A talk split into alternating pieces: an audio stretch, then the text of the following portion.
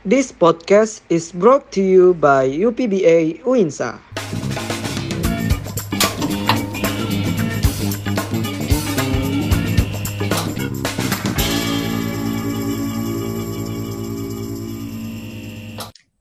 Assalamualaikum warahmatullahi wabarakatuh. Hi everyone, welcome back to You Voice with me Maya Selmi Aziza.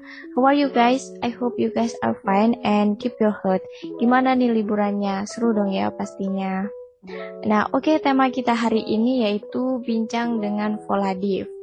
Sebelumnya kita kenalan dulu nih dengan narasumber kita yaitu Kak Hana, salah satu member dari Voladiv. Assalamualaikum Kak Hana, gimana nih kabarnya? Waalaikumsalam Kak Maya. Ya alhamdulillah baik. Alhamdulillah. Udah healing ke mana aja nih Kak liburan kali ini? Baru di rumah, belum ke mana-mana. Oh, nggak apa-apa. Liburannya masih panjang kok. masih ada banyak waktu ya. Sebelum kita masuki uh, pertanyaannya, sebenarnya kakak boleh perkenalan dulu nih di UPBA ini kakak uh, angkatan berapa dan divisi di divisi Poladiv ini kakak menjabat sebagai apa? Uh, jadi aku join PBA itu mulai 2020 ya pas maba itu. Terus aku yeah. di Volatif ini sebagai ini PJ bahasa Korea. Wah pasti uh, lumayan lancar ya bahasa Koreanya. lumayan. Lumayan. Jadi kalau nonton drakor tuh nggak pakai subtitle ya? ya masih dikit-dikit lah. Oke. Okay. Oke, kita masuki sesi pertanyaan ya. Untuk yang pertama, apa aja bahasa asing yang kakak kuasai atau sedang dipelajari saat ini? Oke, uh, karena aku berhubung dari pendidikan bahasa Inggris, tentunya aku lagi hmm. belajar bahasa Inggris. Kemudian kan kan aku juga ini apa pegang PJ Korea, jadi aku ya belajar bahasa Korea. Ya itu aja sih. Wah boleh dong ceritakan pengalaman kakak dalam mempelajari bahasa asing tersebut? Uh, jadi kalau bahasa Inggris itu kan udah dari kecil kan ya udah dari SD gitu iya udah sudah belajar bahasa Inggris ya dari itu terus sampai sekarang ya masih belajar dikit-dikit gitu. ya meski agak sulit sih kalau bahasa Inggris apalagi kalau udah uh, kuliah gini untuk Korea ini kan uh, aku selama lihat drakor atau K-pop itu kan cuma uh, sekedar tahu terus hafal tapi nggak sampai belajar tentang tata tata bahasanya. Hmm. Jadi aku baru belajar tata bahasa dengan itu apa? Dengan rajin tuh ya baru ini baru di hmm. BBA. Jadi masih ini ya masih perlu banyak belajar ya untuk bahasa Koreanya. Ya tentu. Tapi bagus sih, udah ada uh, sedikit apa ya effort lah ya untuk mempelajari bahasa lebih banyak lagi gitu. Jadi dalam mempelajari suatu hal kan pasti ada kendalanya ya. Tidak terkecuali dalam mempelajari bahasa asing juga. Nah, kendala dalam mempelajari bahasa asing tersebut itu apa aja sih dan gimana cara mengatasinya? uh, kalau aku kalau aku sih bagiku yeah. yang uh, Inggris itu aku nemu kendala di speaking sama pronounce soalnya aku agak agak nggak bisa sih jadi uh, kan kadang kalau speaking kan kita pengennya ngomong gini tapi pas diomongin gitu nggak bisa atau bahkan nggak tahu artinya. Terus kalau yang pronounce kadang nggak uh, nggak sesuai gitu loh. Kayak aku uh, kayak kita tuh tahu maksudnya kita itu bilang gimana tapi pronosnya itu salah. Dan itu kadang bisa fatal banget. Jadi nanti bisa menyebabkan salah pahaman bagi pendengar nah untuk uh, solusinya nih yaitu untuk yang speaking itu kita latihan aja terus. Uh, apalagi uh, latihan sama temen atau mungkin uh, yang lebih pro. Jadi bisa uh, sambil ngoreksi apa yang kurang dari kita itu tadi. Terus untuk yang pronoun pronounce itu tadi kita bisa apa cari uh, how to pronounce correctly uh, kayak lihat lewat uh, kamu kamus Cambridge atau mungkin pakai Google Translate yang kayak biasanya itu kan bisa.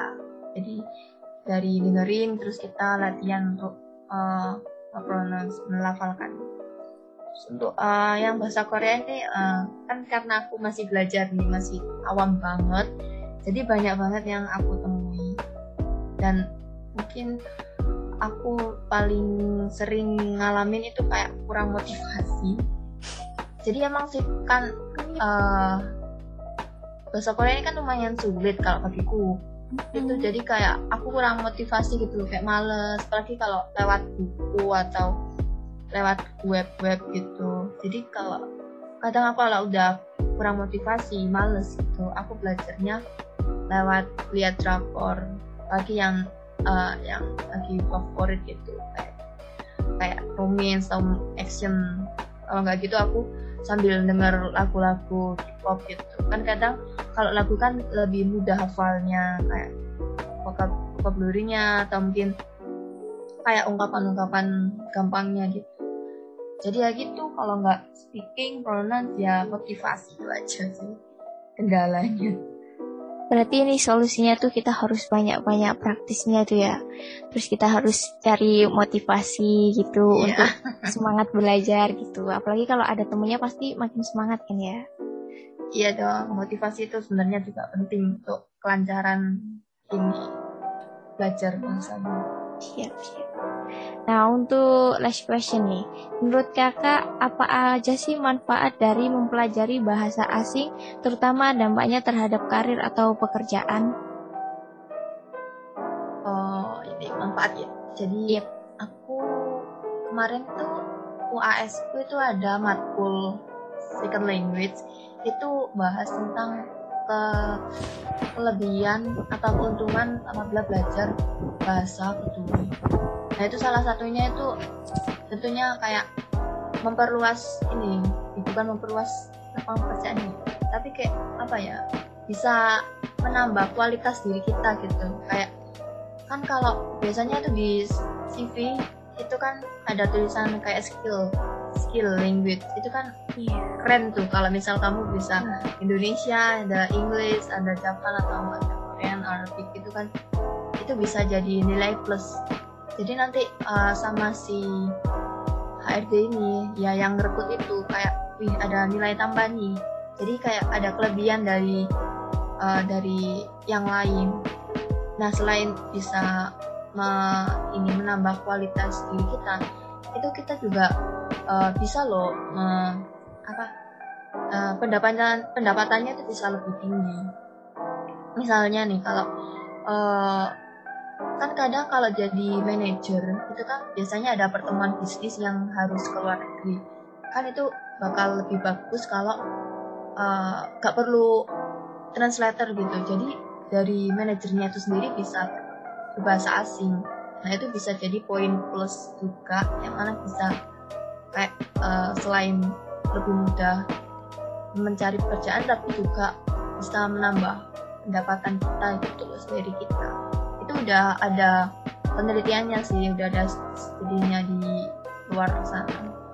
Jadi ya sangat bermanfaat banget untuk meningkatkan kualitas diri kita value value dari diri kita juga juga bisa meningkatkan pendapatan kita itu sih dari aku jadi ini selain kita dapat menambahkan skill kita dalam bidang kebahasaan ini kita juga pasti bisa diprioritaskan gitu ya. Dalam mm, misal kita mencari pekerjaan tuh di CV kita kan ada skill yang bahasa kita bahasa asingnya nggak cuma Inggris gitu. Jadi kita kayak ada uh, prioritas tersendiri gitu ya.